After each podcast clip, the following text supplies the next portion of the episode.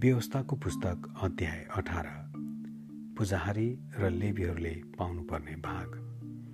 पुजारीहरू जो लेबी हुन् वास्तवमा सारा लेबीको कुलको इजरायलीहरूसँग कुनै भाग वा अंश हुँदैन।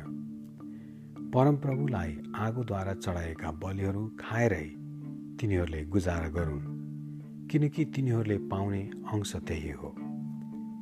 तिनीहरूका दाजुभाइका बिचमा तिनीहरूको कुनै अंश हुने छैन।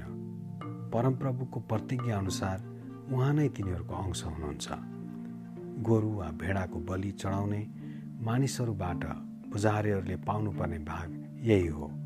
कुम बङ्गाराका दुवै भाग र आन्द्राभुडी अन्न नयाँ दाखमध्ये र तेलको प्रथम उब्जनी र भेडाको पहिलो उन तिमीहरूले तिनीहरूलाई दिनुपर्छ।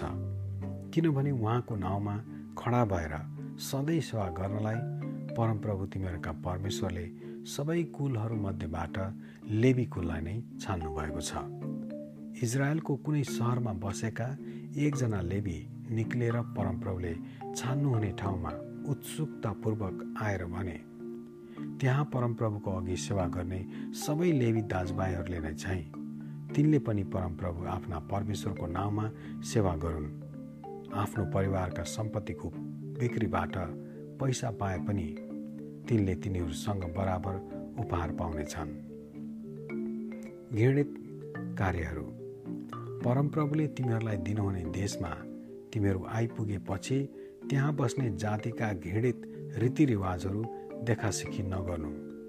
आफ्नो छोरा वा छोरीलाई आगोमा बलि गर्ने सकुन अपसकुन बताउने जोखना हेर्ने जादुगरी गर्ने टुनामुना गर्ने मृतकसँग सल्लाह लिने बिजुवा वा झाँक्री तिमीहरूका बिचमा कोही नहोस्।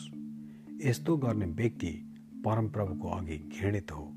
यी घृणित रीतिथितिहरूको कारणले परमप्रभु तिमीहरूका परमेश्वरले ती जातिहरूलाई तिमीहरूका सामुबाट निकालिदिनुहुनेछ।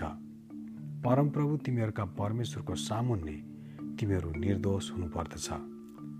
मोसा जस्तै एकजना अगमवक्ता।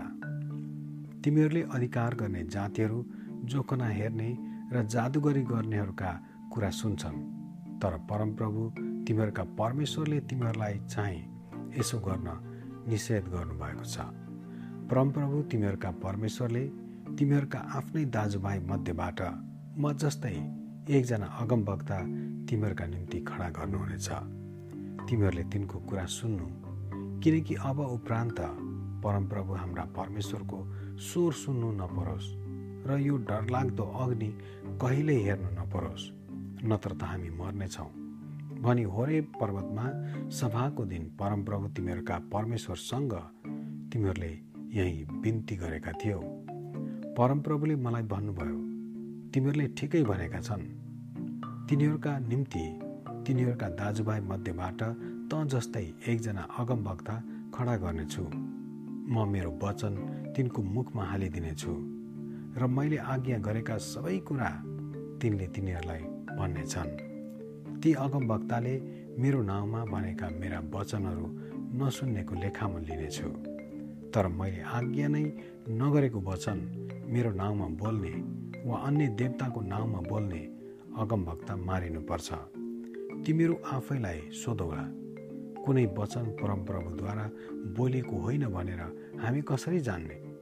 कुनै अगमवक्ताले परमप्रभुको नाउँमा बोलेको कुरा पुरा भएन वा सत्य ठहरेन भने त्यो परमप्रभुले भन्नुभएको वचन होइन।